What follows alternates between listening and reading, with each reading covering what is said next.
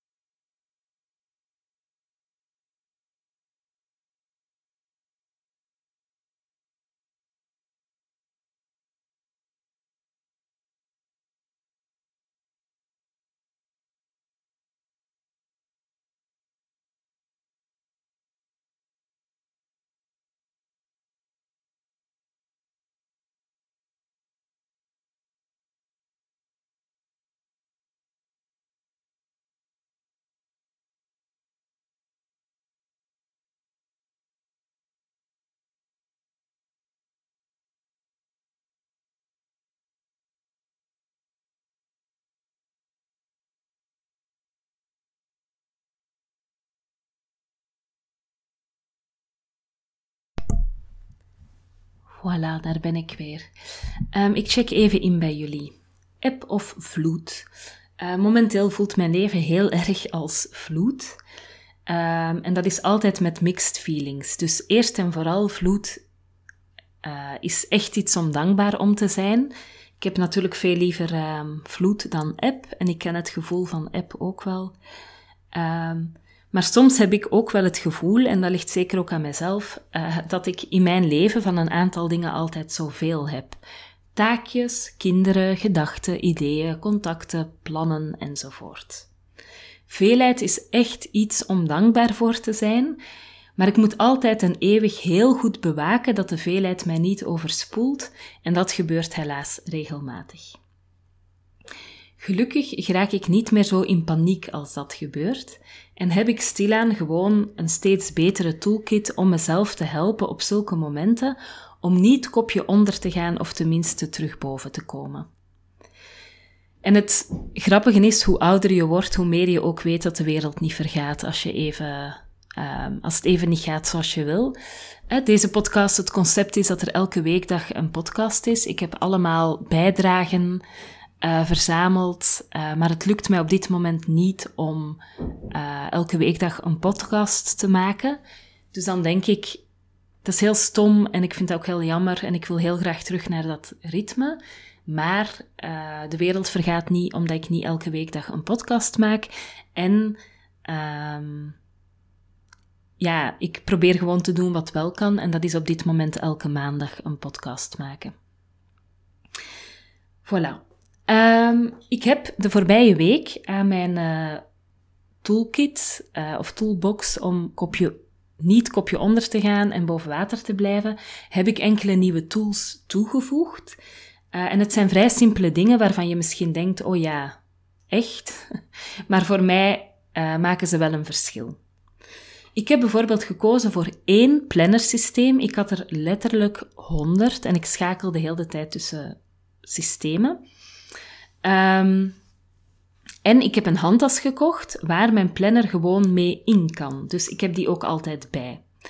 Ik heb in mijn uh, telefoon drie alarmen per dag ingesteld, uh, waarop ik die planner uit mijn tas vis om alles even door te nemen. Soms is dat gewoon een werkje van een paar minuten, uh, soms is dat ja, kwartier, twintig minuten werk, maar op die manier hou ik het overzicht.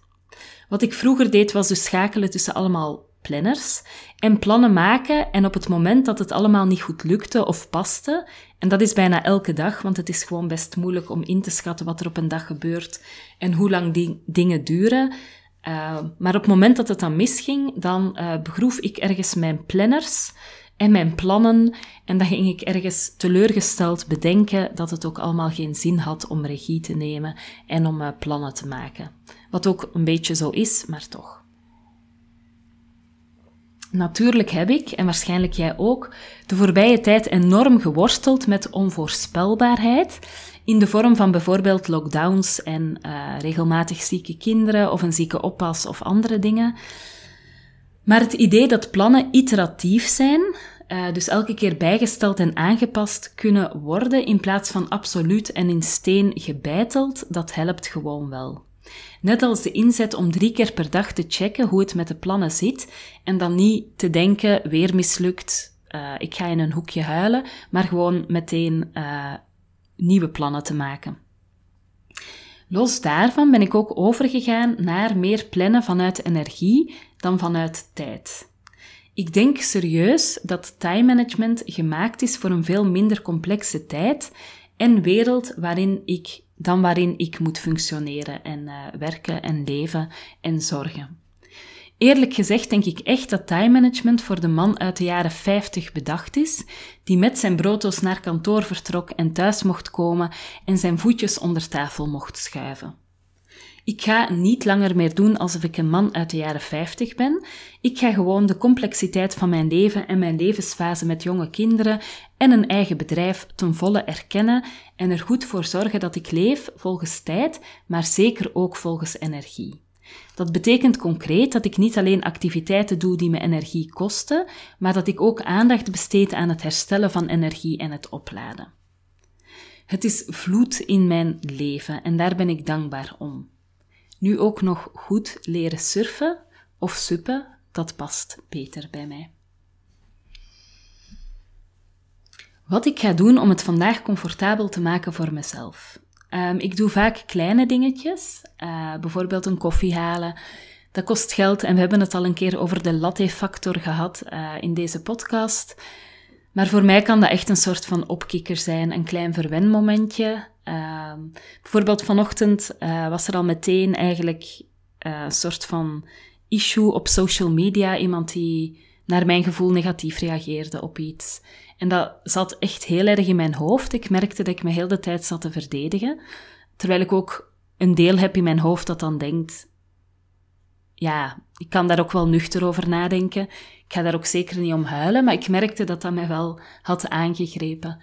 Um, en toen heb ik voor mezelf besloten dat ik bij Native een koffie ga halen, omdat dat gewoon zo'n fijne plek is met zo'n lieve dames. Uh, je weet dat je daar gewoon altijd een fijne goede morgen krijgt en dat de sfeer daar gewoon altijd fijn is. Uh, en ik vond het heel leuk om mij daar even aan te kunnen laven. Daarnaast heb ik bijvoorbeeld een voetbadje met magnesium op mijn kantoor, waar ik as we speak gebruik van maak. Niemand zegt immers dat je geen podcast kan opnemen met je voeten in een voetbadje. En straks moet ik, vrees ik, naar een binnenspeeltuin. Uh, iets met belofte maakt schuld en dat het hier vakantie is. Dan neem ik voor mezelf een geluidswerende koptelefoon mee. Uh, en niet te veel verwachtingen wat werk betreft. Uh, misschien neem ik gewoon iets leuks mee om te lezen of een paar kleine taakjes die ik wel in een drukke omgeving voor elkaar krijg. Alles om niet gefrustreerd en overprikkeld te geraken. Ik heb gisteren ook al gekookt voor vanavond, dus na een middag in het strafkamp voor ouders heb ik enkel nog een lasagne in de oven te schuiven. Er staat ook verse pompoensoep in de koelkast en ik heb goed afgesproken met Pieter wie wat doet. Ook dat hebben we nog niet zo gek lang op orde. Ehm, maar op dit moment hebben we de dagen verdeeld, wie wanneer kookt. Dat zijn gewoon vaste dagen, geen onderhandelingen, behalve natuurlijk als iemand voor het werk uh, lang of laat weg blijft. Um, en dat betekent dat ik uh, niet elke dag met hem moet zitten appen van kook jij of kook ik, halen we frietjes of pizza of thai. Um, ja, het is gewoon, ik weet waar ik aan toe ben. Op dagen dat hij kookt, moei ik mij nergens mee. Dat is wel een belangrijke regel om het te doen slagen. En de dagen dat ik moet koken, die weet ik op voorhand. En dan kan ik uh, een beetje vroeger stoppen met werken of mij wat voorbereiden. Kortom, comfort alom. Ik voel me wel een beetje zo'n uh, een seut als ik dit allemaal vertel. Maar nou ja, het hoort ook denk ik wel bij mijn verantwoordelijkheid als, uh, als ouder om de dingen zo goed mogelijk aan te pakken, ook al ligt het niet echt in mijn aard om daar heel veel talent voor te hebben. Voilà, op het einde van deze check-in wil ik graag enkele dingen zeggen. Uh, twee. Uh, op 27 oktober, dat is woensdagavond, uh, geef ik een webinar over schrijven als manier om voor jezelf te zorgen. Van 20 uur, dus 8 uur, tot 22 uur, 10 uur. Ik ga het linkje in de show notes zetten en ik zou het echt super fijn vinden als je mee zou doen. En een tweede um, ding dat ik nog wil zeggen is een warme dankjewel aan Lieve, die me via het betaallinkje een koffie uh, trakteerde. En ook Marian, dank jullie wel. Tot zover voor vandaag. Je kan me volgen op Instagram, TheTinyPodcast.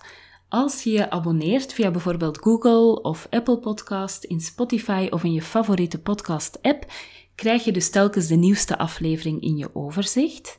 En als je de podcast doorstuurt naar iemand die er ook graag naar luistert, of hem deelt op social media, dan help je me om de podcast te laten groeien. Um, en ik wil je echt heel erg uitnodigen om vandaag mijn podcast uh, aan één iemand door te sturen van wie jij denkt dat hij uh, dat het leuk vindt om te luisteren.